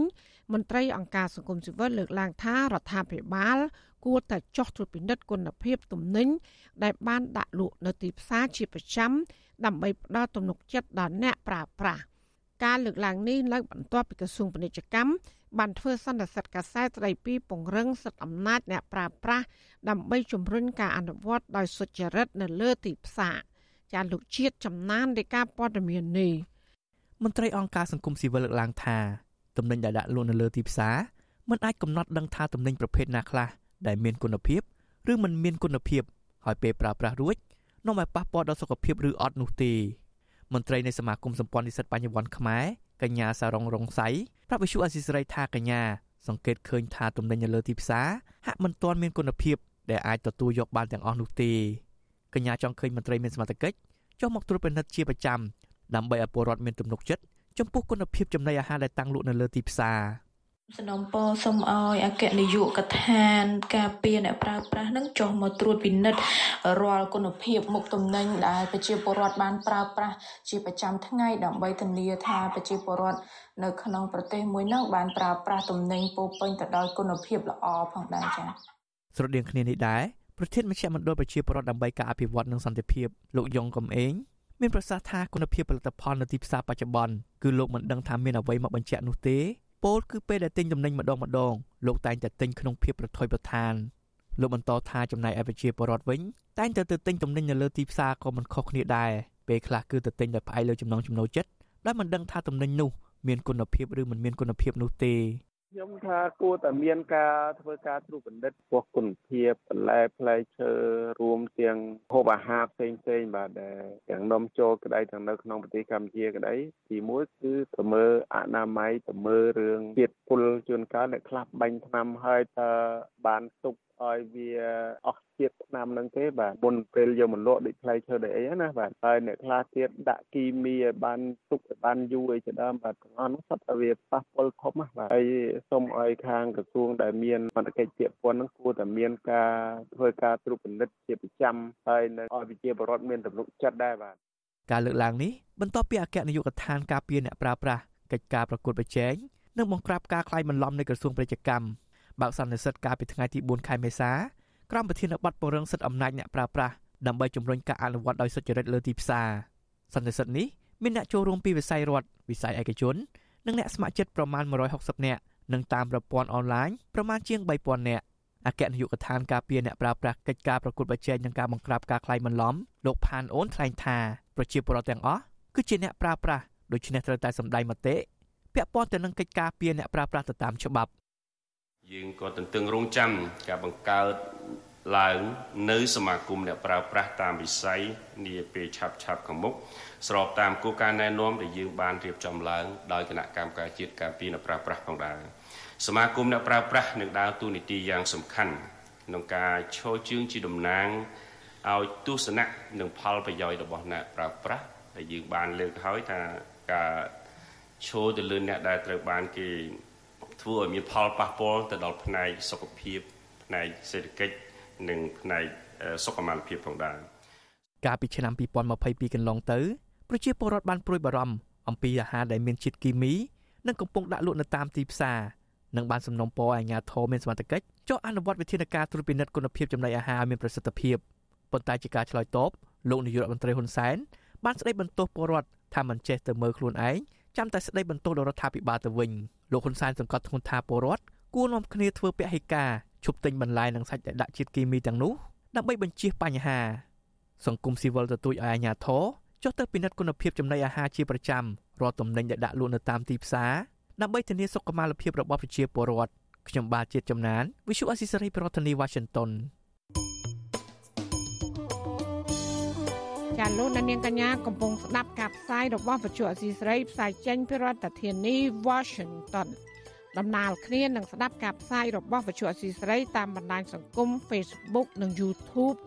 លោកនាងកញ្ញាក៏អាចស្ដាប់ការផ្សាយរបស់វិទ្យុអសីស្រីតាមរលកធាតុអាកាសខ្លីឬ Short Wave តាមកម្រិតនិងកម្ពស់ដូចតទៅចាប់ពេលព្រឹកចាប់ពីម៉ោង5កន្លះដល់ម៉ោង6កន្លះ តាមរយៈប៉ុស SW 12.14 MHz ស្មើនឹងកម្ពស់ 25m ចាប់ប៉ុស SW 13.71 MHz ស្មើនឹងកម្ពស់ 22m ចាសម្រាប់ពេលយប់វិញចាប់ពីម៉ោង7កន្លះដល់ម៉ោង8កន្លះតាមរយៈប៉ុស SW 9.33 MHz ស្មើនឹងកម្ពស់ 32m ប៉ុស SW 11.88 MHz ស្មើនឹងកម្ពស់ 25m និងប៉ុស SW 12.14 MHz ស្មើនឹងកម្ពស់ 25m ចាសសូមអរគុណចាលោកដានីនជាទីមេត្រីពាក់ព័ន្ធនឹងវិស័យកសិកម្មវិញអ្នកវិភាគនិងអ្នកជំនាញផ្នែកកសិកម្ម ថាការលើកកម្ពស់ការប្រើប្រាស់ផលិតផលក្នុងស្រុកឲ្យមានចំនួនកើនឡើងអាចធ្វើទៅបានលុះត្រាតែរដ្ឋាភិបាលកម្ពុជាកែលម្អនៅចំណុចខ្វះខាតមួយចំនួន តាមរយៈការដោះស្រាយបញ្ហានិងរកទីផ្សារទិន្នផលកសិកម្មរួមទាំងការកែច្នៃវត្ថុធាតុដើមទាំងនោះមកបំពេញតម្រូវការប្រើប្រាស់ក្នុងស្រុកផងដែរចានេះគឺជាសេចក្តីរាយការណ៍របស់លោកសេកបណ្ឌិតជំនាញព័ត៌មាននេះដូចតទៅ មន្ត្រីសង្គមស៊ីវិលយល់ឃើញថាដើម្បីលើកកម្ពស់ការប្រើប្រាស់ផលិតផលក្នុងស្រុកឲ្យមានប្រសិទ្ធភាពរដ្ឋាភិបាលគួរតែដោះស្រាយបញ្ហាមួយចំនួន ដែលប៉ះពាល់ដល់សង្វាក់ផលិតកម្មនិងការនាំចេញ ជាពិសេសការពង្រីកទីផ្សារផលិតផល ការផ្សព្វផ្សាយការកែច្នៃក៏ជាកត្តាសំខាន់ក្នុងការជំរុញការប្រើប្រាស់ឲ្យកាន់តែច្រើនមន្ត្រីសម្របសម្រួលសហគមន៍នៃសមាគមសម្ព័ន្ធសហគមន៍កសិករកម្ពុជា ហៅកាត់ថា CCFC លោកញ៉ែលភៀបសង្កេតឃើញថា ផលិតផលកសិកម្មនៅក្នុងស្រុកមិនទាន់មានទីផ្សារទូលំទូលាយនៅឡើយចំណែកសង្វាក់ផលិតកម្មនិងការកែច្នៃក៏នៅមានកម្រិតដែរលោកយល់ឃើញថាដើម្បីជំរុញឲ្យមានការប្រើប្រាស់ផលិតផលក្នុងស្រុករដ្ឋាភិបាលគួរតែបង្កើតកម្មវិធីបណ្ដុះបណ្ដាលកសិករនិងផលិតករធ្វើយ៉ាងណាឲ្យការផលិតនោះចំណាយថ្លៃដើមតិច ហើយមានគុណភាព ដើម្បីប្រកួតប្រជែងជាមួយនឹងផលិតផលនាំចូលពីក្រៅស្រុក ផលិតផលនៅក្នុងស្រុករបស់យើងនឹងมันអាចលក់នៅក្នុងតម្លៃដោយផលិតផលកសិកម្មដែលនាំចូលពីប្រទេសជិតខាងបានទេដោយសារប្រទេសជិតខាងហ្នឹងគេលក់នៅក្នុងតម្លៃថោកហើយផលិតផលកសិកម្មរបស់យើងហ្នឹងផលិតគឺទាំងទុនទាំងបច្ចេកទេសធុធាតុដើមផ្សេងផ្សេងហ្នឹងគឺនាំចូលមកពីប្រទេសជិតខាងហើយដែលមានតម្លៃថ្លៃហើយតរការផលិតទៅវាអត់អាចលក់បានរួចខ្លួនទេ ការលើកឡើងនេះបន្ទាប់ពីរដ្ឋាភិបាលកម្ពុជាគ្រោងរៀបចំទិវាជាតិលើកកម្ពស់ការប្រើប្រាស់ផលិតផលខ្មែរលើកទី6ក្រោមប្រធានបទរួមគ្នាទិញផលិតផលខ្មែរគឺបង្កើតការងារជូនពលរដ្ឋខ្មែរនៅឯខេត្តស្វាយរៀងចាប់ពីថ្ងៃទី9ដល់ថ្ងៃទី13ខែមេសា ឆ្នាំ2023លោកនាយករដ្ឋមន្ត្រីហ៊ុនសែនបានថ្លែងនៅក្នុងលិខិតថាសូមឲ្យព្រឹត្តិការណ៍នេះ ក្លាយជាសំឡេងស្គរទូងដាស់ស្មារតីប្រជាពលរដ្ឋកម្ពុជា គ្រប់រូបឲ្យខិតខំផលិត និងប្រើប្រាស់ផលិតផលខ្មែរហើយអ្នកផលិតត្រូវខិតខំកែលម្អគុណភាព ផលិតផលរបស់ខ្លួន ដើម្បីបង្កើនតម្លៃបន្ថែមឆ្លើយតបទៅនឹងតម្រូវការទីផ្សារក្នុងប្រទេស និងក្រៅប្រទេសលោកក៏បានជំរុញឲ្យក្រសួងស្ថាប័នពាក់ព័ន្ធនានាជំរុញដល់ការផលិតកែច្នៃផលិតផល នៅតាមមូលដ្ឋាន និងស្វែងរកទីផ្សារជូនដល់ផលិតករដើម្បីឲ្យស្របទៅតាមទស្សនៈទានភូមិមួយផលិតផលមួយអ្នកស្រាវជ្រាវពីការអភិវឌ្ឍសង្គមលោកបណ្ឌិតមាសនេះមើលឃើញថាឧបសគ្គរារាំងដល់ការប្រើប្រាស់ផលិតផលក្នុងស្រុករួមមានដំណើរការនៃការកែច្នៃ ទំហំទីផ្សារនិងខ្វះការចូលរួមពីក្រសួងពាក់ព័ន្ធលោកយល់ឃើញថាការប្រើប្រាស់ផលិតផលក្នុងស្រុក អាចមានការកើនឡើងទៅបានលុះត្រាតែមានការកែច្នៃផលិតផលទាំងនោះឲ្យคล้ายទៅជាផលិតផលសម្រេចដែលជាតម្រូវការពិតប្រាកដរបស់អ្នកប្រើប្រាស់លោកបន្តថាក្រសួងពាក់ព័ន្ធទាំងអស់ត្រូវធ្វើការរួមគ្នាដើម្បីផ្ដល់លទ្ធភាពនិងបច្ចេកទេសដល់អ្នកផលិត អ្នកកែច្នៃរួមទាំងការចូលរួមផ្សព្វផ្សាយពីផលិតផលក្នុងស្រុកនៅក្នុងវិស័យទេសចរផងដែរ បាទឥឡូវនេះអ្វីដែលខ្ញុំមើលឃើញគឺក្រសួងមន្ទីរមួយមួយនោះហាក់ដូចជានៅធ្វើការតាមរបៀបក្បាលនៃណាបមិនហ្នឹងខ្ញុំចង់និយាយចឹងដូចថាមិនទាន់មានការសហការនោះមិនទាន់មើលមកឲ្យដូចគ្នាទៅលើអ្វីទៅដែលហៅថាការរួមគ្នាដើម្បីលើកកម្ពស់ផលិតផលខ្មែរនោះបាទប៉ុន្តែខ្ញុំគ្រប់គ្រងនយោបាយមួយនេះបាទគោលនយោបាយមួយនេះសំខាន់ណាស់សម្រាប់ជួយឲ្យកម្ពុជានឹងអាចដើរទាន់ជាអ្នកជិតខាងបាទវិទ្យុអសីស្រីនៅពុំទាន់អាចតាក់ទងแนะនាំពាក្យក្រសួងពាណិជ្ជកម្ម ដើម្បីសុំការបកស្រាយបន្ថែមជុំវិញរឿងនេះបាននៅឡើយទេ នៅថ្ងៃទី5ខែមេសាតាមរបាយការណ៍របស់អគ្គនាយកដ្ឋានគយនិងរដ្ឋកោកម្ពុជាឲ្យដឹងថា រយៈពេល2ខែដំបូងនៅដើមឆ្នាំ2023កម្ពុជានាំចេញទំនិញក្នុងតម្លៃជាង3.2លានដុល្លារនិងនាំចូលមកវិញក្នុងតម្លៃជាង3.5លានដុល្លារទិន្នន័យនេះបង្ហាញថាកម្ពុជាមានអនុភាពជញ្ជីងសេដ្ឋកិច្ច ដោយសារការនាំចូលមានតម្លៃច្រើនជាងការនាំចេញហើយកម្ពុជា នៅតែប្រើប្រាស់ផលិតផលខាងក្រៅជំនួសឲ្យផលិតផលក្នុងស្រុក ដែលផលិតផលទាំងនោះអាចផលិតដោយខ្លួនឯងបានរួមមានដូចជាជីកសិកម្មគ្រឿងទេសភេសជ្ជៈគ្រឿងឧបភោគបរិភោគនិងផលិតផលកសិកម្មជាដើមស្របពេលដែលការអភិវឌ្ឍនិងការកែច្នៃផលិតផលនេះមានកម្រិតនោះ រដ្ឋាភិបាលហាក់ផ្ដោតសំខាន់លើការនាំចេញផលិតផលដុលនិងវត្ថុធាតុដើម ជាងការកែច្នៃផលិតផលសម្រេចទៅវិញអ្នកវិភាគនិងអង្គការសង្គមស៊ីវិលយល់ឃើញថា មានតែការទប់ស្កាត់លំហូរផលិតផលបរទេសការអភិវឌ្ឍទៅលើផ្នែកផលិតកម្មនិងការកែច្នៃវត្ថុធាតុដើមប៉ុណ្ណោះទើបអាចបង្កើនការប្រើប្រាស់ផលិតផលក្នុងស្រុកស្របតាមគោលនយោបាយរបស់រដ្ឋាភិបាលខ្ញុំបាទសេកបណ្ឌិត វិទ្យុអសីសេរីពីរដ្ឋធានីវ៉ាស៊ីនតោនលោកណានីជាទីមេត្រី នៅពេលសម្ពោធដាក់ប្រើប្រាស់ផ្លូវជាតិលេខ3កាលពីដើមឆ្នាំ2022កន្លងទៅនេះលោកនាយករដ្ឋមន្ត្រីហ៊ុនសែនក៏បានសរសើរសួនច្បារនៅលើទ្រូងផ្លូវនេះថាស្រស់ស្អាតធ្វើឲ្យអ្នកដំណើរមានអារម្មណ៍ស្រស់ស្រាយក៏ប៉ុន្តែរយៈពេល1ឆ្នាំក្រោយមកប្រជាពលរដ្ឋបរិគុណមន្ត្រីពាក់ព័ន្ធ ថាមិនបានយកចិត្តទុកដាក់ថែទាំ ដែលបណ្ដាលរុក្ខជាតិលំអក្នុងសួនច្បារស្វិតងាប់ទាំងអស់អ្នកស្រីសុជីវីរាយការណ៍ព័ត៌មាននេះប្រជាពលរដ្ឋមួយចំនួនដែលធ្វើដំណើរឆ្លងកាត់និងរស់នៅតាមបណ្ដោយផ្លូវជាតិលេខ3រិះគន់អាជ្ញាធរថាមិនបានយកចិត្តទុកដាក់ថែសួននៅលើទ្រូងផ្លូវនេះដែលបណ្ដាលឲ្យផ្កានិងរុក្ខជាតិលំអផ្សេងទៀតងាប់អស់លោកផល្លាផានិតជាអ្នកដែលធ្វើដំណើរឆ្លងកាត់ផ្លូវជាតិលេខ3ញឹកញាប់សង្កេតឃើញថា រុក្ខជាតិនៅក្នុងសួនលើទ្រូងផ្លូវនេះងាប់ស្ទើរតែទាំងអស់ចាប់ពីចំណុចរង្វង់មូលចំចៅក្នុងរាជធានីភ្នំពេញបន្តរហូតដល់ផ្លូវបំបែកនៅក្នុងខេត្តកំពតយុវជនរូបនេះសោកស្ដាយដែលអាញាធរមិនយកចិត្តទុកដាក់បណ្ដោយឲ្យសួនច្បារដែលចំណាយលុយជាតិអស់ច្រើននេះខូចអស់ហើយម្យ៉ាងទៀតសោភ័ណភាពផ្លូវជាតិក៏លែងស្អាតផ្លូវហ្នឹងជាផ្លូវជាតិមួយពេលដែលឃើញសួនស្បាងាប់អស់ចឹងទៅវាអត់ល្អ មើលហើយណាមួយបើសិនអត់មានសួនស្បាអញ្ចឹងពេលឡានបើកបច្ចាទៅបច្ចាមកវាធ្វើប៉ះពាល់ចាំងភ្នែកពេលបើកយប់អញ្ចឹងពូណាមួយមើលទៅបើផ្លូវហ្នឹងបើអត់សួនហ្នឹងគឺយ៉ាប់មើលតែម្ដងអាក្រក់ខ្លាំងណាយុវជនផល្លាផានិតដែលជាអ្នកធ្លាប់លក់ផ្កានិងដំណាំលម្អផ្សេងផ្សេងទៀតនោះសន្និដ្ឋានថាសួននេះចំណាយលុយអស់ច្រើនណាស់ពីព្រោះគ្រាន់តែកូនរុក្ខជាតិប្រភេទជ្រៃដែលដាំនៅលើសួននោះ ក៏មួយដើមមានតម្លៃជិត20ដុល្លារចំណែកយុវតីឯក Moneyline រស់នៅខេត្តតាកែវហើយបានធ្វើដំណើរឆ្លងកាត់ផ្លូវជាតិលេខ3ចាប់អារម្មណ៍ថាសួនច្បារនៅលើផ្លូវជាតិនេះដំបូងឡើយស្រស់ស្អាតប៉ុន្តែនីឡែនខកចិត្តនៅពេលដែលសួនផ្កានេះខ្វះការយកចិត្តទុកដាក់ពីអាជ្ញាធរបណ្ដាលឲ្យផ្កាស្វិតងាប់អស់ ផ្កានិងសួនស្មៅនៅចំកណ្ដាលទ្រង់ផ្លូវប្រកបដោយទេសភាពបៃតងខ្ចីហើយមិនត្រឹមតែអាចជួយកាត់បន្ថយភាពនឿយហត់ក៏ដូចជាភាពតានតឹងរបស់អ្នកធ្វើដំណើរនៅគិតនោះទេក៏ប៉ុន្តែវាថែមទាំងនាំមកនៅអារម្មណ៍ស្រស់ស្រាយថែមទៀតផងប៉ុន្តែគួរឲ្យស្ដាយដែលរុក្ខជាតិទាំងអស់នោះពុំបានឋិតក្រោមការមើលថែបានល្អនោះទេវិទ្យុអាស៊ីសេរីព្យាយាមតាក់ទងអ្នកនាំពាក្យក្រសួងសាធារណការនិងដឹកជញ្ជូនលោកប៉ាល់ចន្ទរាដើម្បីសាកសួរបញ្ហានេះ ប៉ុន្តែលោកមិនលើកទូរស័ព្ទចំណែកអ្នកនាំពាក្យរាជធានីខេត្តដែលដែនរដ្ឋបាលគ្រប់គ្រងដណ្ដប់លើផ្លូវជាតិលេខ3ក៏មិនមានការឆ្លើយតបដែរក្នុងពិធីសម្ពោធដាក់ឲ្យប្រើប្រាស់ផ្លូវជាតិលេខ3កាលពីខែមិនិនាឆ្នាំ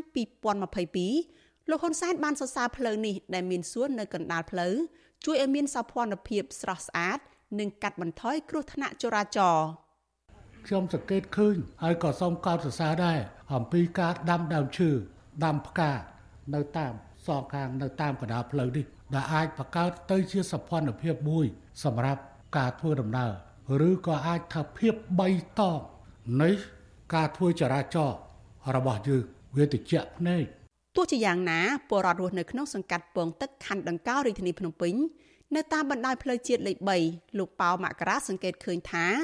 សួននៅលើផ្លូវជាតិនេះហាក់មិនសូវមានការថែរក្សាដែលបណ្ដាលឲ្យរុក្ខជាតិលំអទាំងនេះ នៅកន្លែងខ្លះស្វិតងាប់ហើយកន្លែងខ្លះទៀតងាប់ទាំងស្រុងរាប់គីឡូម៉ែត្រលោកមករាបន្តទៀតថា នៅពេលរុក្ខជាតិទាំងនោះនៅល្អមិនឃើញមានអាជ្ញាធរយកចិត្តទុកដាក់ទេប៉ុន្តែពេលរុក្ខជាតិទាំងអស់ស្វិតងាប់ហើយមានការរិះគន់ពីពលរដ្ឋជាច្រើនទើបមន្ត្រីពាក់ព័ន្ធចេញមកស្រោចទឹក និងដាំបន្ថែម។ ការថែទាំអត់បាន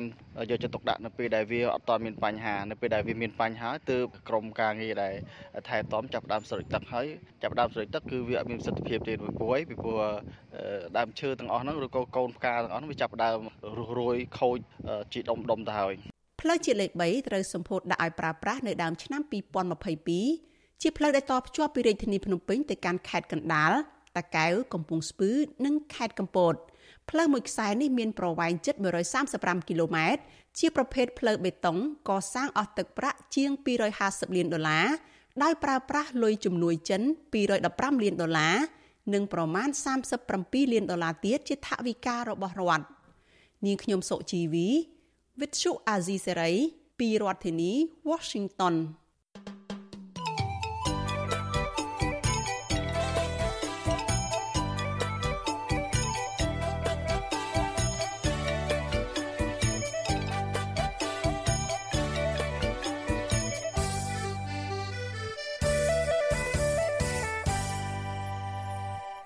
ចាលោកដាក់ស្ដាប់យុតិមេត្រីយុវជននិងមន្ត្រីសង្គមស៊ីវិលព្រួយបារម្ភថាការបើកចំហអយុវជនប្រើប្រាស់គ្រឿងស្រវឹងយ៉ាងអនាធបត័យកំពុងបំផ្លាញអនាគតរបស់ពួកគេ និងធ្វើឲ្យសិលធម៌សង្គមកាន់តែធ្លាក់ចុះការបារម្ភនេះកើតមានឡើងក្រោយពេលដែលពួកគាត់សង្កេតឃើញថាយុវជនមួយចំនួនសេពគ្រឿងស្រវឹងដោយសេរី និងថែមទាំងមានការបណ្តែតបណ្តោយឲ្យសិស្ស យកគ្រឿងស្រវឹងគ្រប់ប្រភេទចូលក្នុងបរិវេណសាលាថែមទៀតផងចាអ្នកស្រីស្គួនអមរាមានសេចក្តីរាយការណ៍ពិស្ដារជំវិញព័ត៌មាននេះដូចតទៅគ្រឿងស្រវឹងកំពុងក្លាយជាភេសជ្ជៈពេញនិយមមួយប្រភេទសម្រាប់ប្រជាជនកម្ពុជាដោយត្រូវតែមានវត្តមានមិនអាចខ្វះបានគ្រប់កម្មវិធីគ្រប់ទីកន្លែង មិនថាកម្មវិធីមង្គលការបន្សពខួបកំណើតនិងបន្ទានក្នុងវត្តអារាមយុវជនព្រះសង្ឃនិងអង្គការសង្គមស៊ីវិលព្រួយបារម្ភថាកម្ពុជានឹងកាន់តែប្រឈមនឹងការបាត់បង់ធនធានមនុស្សនិងសិលធម៌សង្គមធ្លាក់ចុះនៅពេលអនាគតបន្ទាប់ពីសង្កេតឃើញថាយុវជនមួយចំនួន កំពុងសប្បាយភ្លើតភ្លើនសេពគ្រឿងស្រវឹងគ្រប់ប្រភេទដោយគ្មានការតាមដាន ឬរដ្ឋបិទពីអាណាព្យាបាលនិងរដ្ឋាភិបាល និស្សិតឆ្នាំទី3នៃសាកលវិទ្យាល័យមួយក្នុងខេត្តបាត់ដំបងកញ្ញាសាឌីណាប្រាប់វិទ្យុអាស៊ីសេរីនៅថ្ងៃទី4មេសាថាមួយរយៈពេលចុងក្រោយនេះកញ្ញាសង្កេតឃើញយុវជន និងសិស្សសាលានាំគ្នាផឹកស្រាយ៉ាងអនាធិបតេយ្យជាពិសេសនៅក្នុងបុណ្យចូលឆ្នាំប្រពៃណីខ្មែរតាមវិទ្យាល័យមួយចំនួនដោយគ្មានការហាមឃាត់ពីអាជ្ញាធរឬគ្រូបង្រៀននោះឡើយកញ្ញាចាត់ទុកថាការបណ្ដោយឲ្យក្មេង មិនតាន់គ្រប់អាយុសេពគ្រឿងស្រវឹងជាពិសេសការប្រព្រឹត្តនៅក្នុងបរិវេណគ្រឹះស្ថានសិក្សា ជាទង្វើមិនសមរម្យនិងជាការបំផ្លាញសិលធម៌សង្គមឲ្យកាន់តែធ្លាក់ចុះ ហើយក្នុងនាមជាយុវជនខ្ញុំសូមដាស់តឿនថាយើងគឺជាយុវជនគឺជាសសរទ្រូងនៃប្រទេសជាតិអញ្ចឹងសូមគិតឡើងវិញទៅលើរឿងទាំងអស់ហ្នឹងដែលការប្រើប្រាស់គ្រឿងសង្វឹងនៅក្នុងការសបាយរីករាយឬក៏តាមកម្មវិធីសាលានីមួយៗគួរណាស់កាត់បន្ថយឬក៏បើសិនជាមិនប្រើប្រាស់ទាំងស្រុងគឺល្អបំផុតតែម្ដង ការលើកឡើងនេះស្របពេលនៅតាមសាលារៀនពិសេសវិទ្យាល័យនិងសាកលវិទ្យាល័យទូទាំងប្រទេសកម្ពុជា បានរៀបចំធ្វើពិធីសង្ក្រាន្តមុនឱកាសបុណ្យចូលឆ្នាំថ្មីប្រពៃណីខ្មែរឈានជិតចូលមកដល់ថ្ងៃទី13មេសាខាងមុខនេះ នៅតាមគ្រឹះស្ថានអប់រំទាំងនោះសិស្សានុសិស្សនាំគ្នារៀបចំឲ្យមានការលេងល្បែងប្រជាប្រិយនិងរាំលេងកម្សាន្តព្រមទាំងមានស្តង់លក់អាហារផងដែរក្នុងនោះវិទ្យាល័យមួយចំនួនក្នុងខេត្តបាត់ដំបងនិងខេត្តបន្ទាយមានជ័យមានដំណឹងថានាយកសាលាអនុញ្ញាតឲ្យសិស្សលក់ទឹកត្នោតជូរទៀតផង តែយ៉ាងណាសិស្សទាំងនោះមិនបាននាំចូលត្រឹមតែទឹកត្នោតជូរទៅក្នុងបរិវេណសាលានោះឡើយគឺពួកគេថែមទាំងយកចូលនៅស្រាបៀរចម្រោះទាំងប្រភេទកំប៉ុងនិងដបចូលទៅក្នុងសាលាផងដែរទន្ទឹមគ្នានេះក៏មានចែករំលែករូបភាពជាច្រើនសន្លឹកនៅលើបណ្ដាញសង្គមនៃកម្មវិធីសង្ក្រាននៅតាមវិទ្យាល័យឆ្នាំ2023នេះដែលបង្ហាញពីយុវជនកាន់កំប៉ុងស្រាបៀរទៀតផងព្រះសង្ឃនៅខេត្តកំពង់ស្ពឺព្រះដេចគុណសនសិលា មានសង្ឃដីកាថាការប្រើប្រាស់គ្រឿងស្រវឹងកំពុងវាយលុកក្នុងសង្គមខ្មែរគ្រប់វ័យមិនថានៅក្នុងពិធីបុណ្យប្រពៃណីជាតិឬបុណ្យសាសនាឡើយសូម្បីតែពិធីបុណ្យ នៅតាមវត្តអារាមមួយចំនួនក៏មានចរាចរណ៍លក់និងប្រើប្រាស់គ្រឿងស្រវឹងដែរព្រះអង្គមានសង្កេតការថាសុរាគឺជាអង្គហេតុនៃអកុសលធម៌ទាំងពួងព្រោះអ្នកផឹកសុរានៅពេលស្រវឹងបាត់បង់ស្មារតីនឹងអាចប្រព្រឹត្តអំពើអបាយមុខផ្សេងផ្សេងមានដូចជាលួចប្លន់កុហកបោកប្រាស់រំលោភសេពសន្តិវៈអំពើហិង្សារហូតដល់មានករណីមនុស្សឃាតជាដើម ពុទ្ធសាសនាគឺហាមដាច់ខាតតែម្ដងរឿងសូរានេះប៉ុន្តែបែរទៅជាអ្នកដែលប្រកាសខ្លួនថាជាអ្នកកាន់ពុទ្ធសាសនាប៉ុន្តែបែរជាចូលចិត្តផឹកសូរាបែរជាបង្ហាញនៅសកម្មភាពទលំទលាយរឿងសូរាទៅវិញនឹងពេលខ្លះទៅយើងគ្រាន់តែគោរពជឿកាន់ពុទ្ធសាសនាទៅតាមប្រពៃណីទំនៀមទម្លាប់អញ្ចឹងណាយើងមិនបានកាន់ដល់ជាប់ជួនប ច្ចុប្បន្នមានយីហោស្រាបៀរជិត20ដែលភាគច្រើនមានរោងចក្រផលិតនៅក្នុងស្រុកកំពុងចរាចរក្នុងទីផ្សារកម្ពុជា នៅមុនឱកាសបុណ្យចូលឆ្នាំថ្មីប្រពៃណីជាតិដែលនឹងចូលមកដល់នៅថ្ងៃទី13ដល់ថ្ងៃទី15ខាងមុខនេះក្រុមហ៊ុនស្រាហាក់មមាញឹកខ្លាំងនៅក្នុងចង្វាក់ផលិតកម្មដើម្បីផ្គត់ផ្គង់ឲ្យអតិថិជន ក្នុងនោះក្រុមហ៊ុនស្រាបៀរខ្លះបានបង្កើតយុទ្ធនាការផ្សាយពាណិជ្ជកម្មនៅតាមបណ្ដាញសង្គមទូរទស្សន៍និងសារព័ត៌មានក្នុងស្រុកជាដើមជាមួយគ្នានេះការផ្សាយពាណិជ្ជកម្មដើម្បីទាក់ទាញអតិថិជនក្រុមហ៊ុនស្រាបៀរបានប្រើវិធីសាស្ត្រច្រើនរូបបែបមានដូចជាការផ្ដល់រង្វាន់លើកទឹកចិត្តបង្កើតកម្មវិធីឬវេទិកាប្រគំតន្ត្រី ដែលមានការចូលរួមពីតារាចម្រៀងឬអ្នកសិល្បៈមួយចំនួនដើម្បីអូសទាញយុវជនឲ្យមកចូលរួមវិទ្យុអាស៊ីសេរីមិនអាចតាក់ទងแนะនាំពាក្យក្រសួងអប់រំយុវជននិងកីឡាលោករស់សុវិចានិងแนะនាំពាក្យក្រសួងពាណិជ្ជកម្មលោកប៉ែនសុវិជាតិដើម្បីសុំការបកស្រាយជុំវិញក្តីបារម្ភនេះបានទេនៅថ្ងៃទី4មេសា ជុំវិញរឿងនេះមន្ត្រីតស៊ូមតិនៃអង្គការកម្មវិធីអភិវឌ្ឍយុវជន អ្នកស្រីសកនិកាយល់ឃើញថា អ្នកស្រីមិនគ្រប់គ្រងដាច់ខាត ចំពោះការអនុញ្ញាតឬបណ្ដោយឲ្យសិស្សសាលាសេពគ្រឿងស្រវឹងក្នុងអំឡុងពេលនៃកម្មវិធីសង្ក្រាន្តនិងការប្រើក្មេងឲ្យទៅទិញគ្រឿងស្រវឹងជាដើម។ សម្រាប់រាជរដ្ឋាភិបាលកម្ពុជាអាចពិចារណាតាក់ទងជាមួយនឹងរឿងការផ្សព្វផ្សាយគ្រឿងស្រវឹងហ្នឹងព្រោះយើងបើសិនជាជាងជីកាត់តាមដងវិថីណានៃក្រុងភ្នំពេញក៏ដូចជាតាមបណ្ដាខេត្តមួយចំនួនយើងឃើញផ្លាកផ្សព្វផ្សាយអំពីគ្រឿងស្រវឹងជាជាងផ្សព្វផ្សាយអំពីការអប់រំឬក៏ផ្លាកសញ្ញាចរាចរណ៍អីហ្នឹងទៅទៀតរដ្ឋធម្មនុញ្ញមាត្រា343ចែងថាបាត់ញុះញង់អនិច្ចជនឲ្យបរិភោគគ្រឿងស្រវឹងដោយផ្ទាល់ឬបរិភោគជាប្រចាំគ្រឿងស្រវឹងយ៉ាងច្រើន ត្រូវផ្ដន្ទាទោសដាក់ពន្ធនាគារពី6ខែទៅ2ឆ្នាំ និងពិន័យជាប្រាក់ពី1លានរៀលទៅ4លានរៀលតែច្បាប់នៃការគ្រប់គ្រងគ្រឿងស្រវឹងរបស់កម្ពុជា នៅមានភាពធូររលុងនៅឡើយជាពិសេសការរឹតបន្តឹងកំណត់អាយុអ្នកផឹកគ្រឿងស្រវឹងការរឹតបន្តឹងការឃោសនានិងការផ្ដន្ទាទោសអ្នកប្រព្រឹត្តខុសដោយសារសេពគ្រឿងស្រវឹងដូចជាគ្រោះថ្នាក់ចរាចរណ៍និងអំពើហិង្សាជាដើម។ យុវជននិងសង្គមស៊ីវិលបារម្ភថាអត្តពលនៃគ្រឿងស្រវឹងនឹងក្លាយជាឧបសគ្គសម្រាប់កម្ពុជាដែលជាប្រទេសកំពុងអភិវឌ្ឍនិងត្រូវការធនធានមនុស្សដើម្បីរួមចំណែកអភិវឌ្ឍសង្គម ប៉ុន្តែនៅពេលដែលយុវជន ដែលជាធនធានមានសក្តានុពលបែរជាប្រើប្រាស់គ្រឿងស្រវឹងតើនៅពេលខាងមុខកម្ពុជានឹងទៅជាយ៉ាងណាក្រមយុវជនព្រះសង្ឃនិងមន្ត្រីអង្គការសង្គមស៊ីវិលយល់ឃើញថាការកាត់បន្ថយការប្រើប្រាស់និងចរាចរគ្រឿងស្រវឹងអាចប្រព្រឹត្តទៅបានលុះត្រារដ្ឋាភិបាលរដ្ឋបិទនិងដាក់ទោសទណ្ឌលើជនទាំងឡាយដែលប្រព្រឹត្តកំហុសដោយសារគ្រឿងស្រវឹងឲ្យបានធ្ងន់ធ្ងរ ជាងនេះទៅទៀតពួកគាត់ស្នើឲ្យរដ្ឋាភិបាលដំឡើងតម្លៃស្រានិងកាត់បន្ថយកម្មវិធីកំសាន្តធំធំដែលឧបត្ថម្ភដោយក្រុមហ៊ុនស្រាបៀរដើម្បីបញ្ឈប់ការលើកទឹកចិត្តឲ្យពលរដ្ឋផឹកស្រាតទៅទៀតនាងខ្ញុំស្ងួនអមរា Vithu Azisari ពីរដ្ឋធានី Washington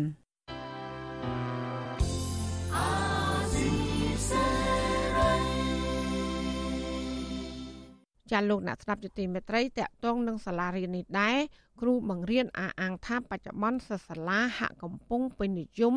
ប្រើប្រាស់ទូរស័ព្ទដៃស្ទើរគ្រប់គ្រប់គ្នាបញ្ហានេះគ្រូបង្រៀនមើលឃើញថាសិស្សតែចាប់យករឿងរ៉ាវមិនល្អពីទូរស័ព្ទដៃកំពុងរៀនខ្សោយហើយធ្លាក់ចុះសិលធម៌គួរឲ្យព្រួយបារម្ភចាសសូមលោកនាងស្ដាប់សេចក្តីរាយការណ៍ពិស្ដាររបស់លោកនៅវណ្ណរិនជុំវិញផលវិបាកនានានៃការប្រើប្រាស់ទូរស័ព្ទដៃដូចតទៅ គ្រូបង្រៀនមួយចំនួនលើកឡើងថាសិលធម៌សិស្សសាលាមានការធ្លាក់ចុះគួរឲ្យព្រួយបារម្ភដោយសារតែពួកប្រើប្រាស់ទូរស័ព្ទមើលវីដេអូនិងរូបភាពមិនល្អផ្សេងផ្សេងគ្រូបង្រៀនសិស្សវិទ្យាល័យមួយកន្លែងនៅក្នុងខេត្តស្វាយរៀងលោកបុត្រកុសល សង្កេតឃើញថាសិស្សសាលាដែលប្រើប្រាស់ទូរស័ព្ទគឺមើលរឿងរ៉ាវដែលមិនល្អហើយយកមកធ្វើត្រាប់តាមខ្ញុំគិតថាវាមានផលប៉ះពាល់ច្រើនក្មេងកាលណាវាប្រើទូរស័ព្ទវាអត់យកចិត្តទុកដាក់ លើការសិក្សារៀនសូត្រទេលើកទី1ណារឿងទី2យើងដឹងហើយអឺវាវាប្រើទូរស័ព្ទវាអាចមើលរឿងមិនល្អមួយចំនួនដូចជារឿងអាភាសជាដើមអញ្ចឹងអញ្ចឹងវាអាចថាធ្វើឲ្យក្មេងហ្នឹងអនុវត្តតាមឬប្រតិបត្តិតាមណាលោកបុតកុសលបន្តថាវីដេអូដែលប្រើប្រាស់ពាក្យសម្ដីនិងកាយវិការមិនល្អកើតឡើងកាន់តែច្រើន ហើយសិស្សចូលចិត្តប្រភេទវីដេអូទាំងអស់នេះ។ ប្រធានសមាគមគ្រូបង្រៀននៅក្នុងខេត្តតាកែវលោកនីច័ន្ទដារាវុធមានប្រសាសន៍ថាគ្រូបង្រៀនបានប្រឹងប្រែងនៅក្នុងការអប់រំក៏ប៉ុន្តែសិស្សហាក់មិនសូវចាប់អារម្មណ៍យកចិត្តទុកដាក់លោកបន្តថាសិស្សហាក់ចាប់អារម្មណ៍ទៅលើការផ្សព្វផ្សាយតាមបណ្ដាញសង្គមរហូតដល់មានការអនុវត្តតាមធ្វើឲ្យបាត់បង់អេរយាប័តជាសិស្សការសិក្សាក៏ធ្លាក់ចុះហើយរីឯសិលធម៌ក៏ក៏ធ្លាក់ចុះដែរប៉ុន្តែមិនមែនមានន័យថាគ្រូយើងមិនបានអប់រំពួកគាត់ទេ យើងបានអប់រំពួកគាត់គ្រប់ម៉ោងសិក្សាទាំងអស់ប៉ុន្តែហេតុផលដែលពួកគាត់គ្រាន់តែស្ដាប់ស្ដាប់រួយរួយជួនកាលពួកគាត់អង្គុយទៅជួនកាលមិនស្ដាប់យើងក៏ថាបានហើយនៅពេលដែលចេញទៅក្រៅថ្នាក់អីចឹងទៅសកម្មភាពពួកគាត់នឹងហាក់បីដូចជាមិនមែនជាសិស្សដែលហាក់បីដូចជាក្មេងដែលមិនដែលចូលសាលារៀនគ្មានការអប់រំអញ្ចឹង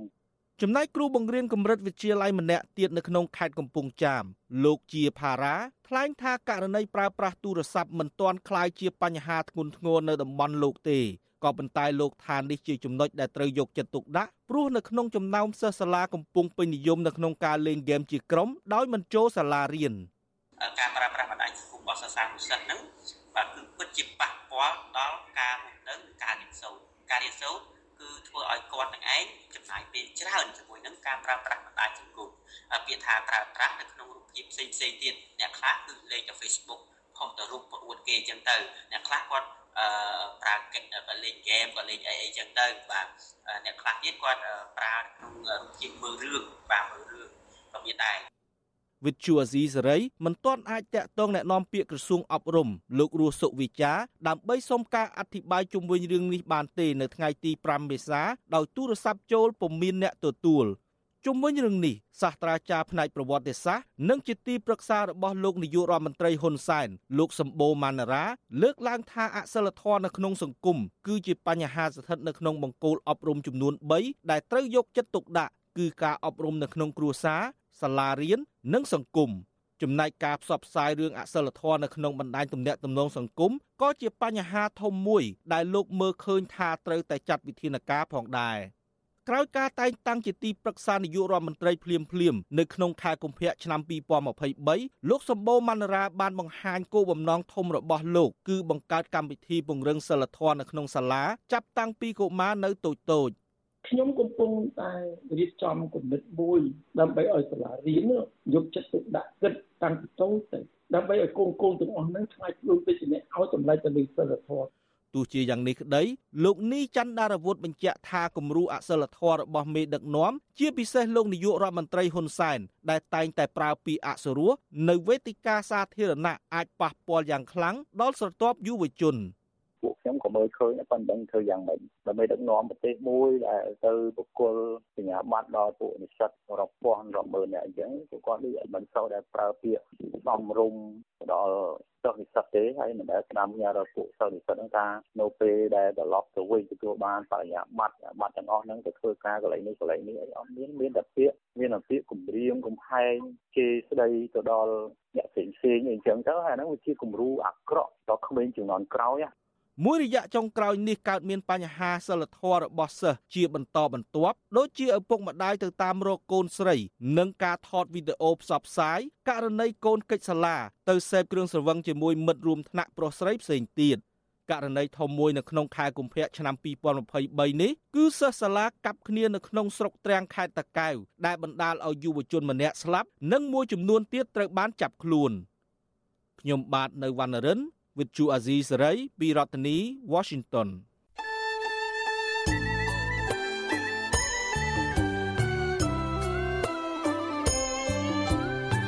ចាលោកនាងកញ្ញាអ្នកស្ដាប់ជទីមេត្រីកັບផ្សាយរយៈពេល1ម៉ោងនៃវិទ្យុអាស៊ីសេរីជាភាសាខ្មែរនៅពេលនេះចាប់តែប៉ុណ្ណេះចាយើងខ្ញុំទាំងអស់គ្នាសូមជូនពរលោកនាងព្រមទាំងក្រុមគូសាទាំងអស់សូមជួបប្រកបតែនឹងសេចក្តីសុខសេចក្តីចម្រើន ជានិរន្តរ៍ ចានាងខ្ញុំម៉ៃសុធានីព្រមទាំងក្រុមការងារទាំងអស់នៃវិទ្យុអសីស្រីសូមអរគុណនិងសូមជម្រាបលា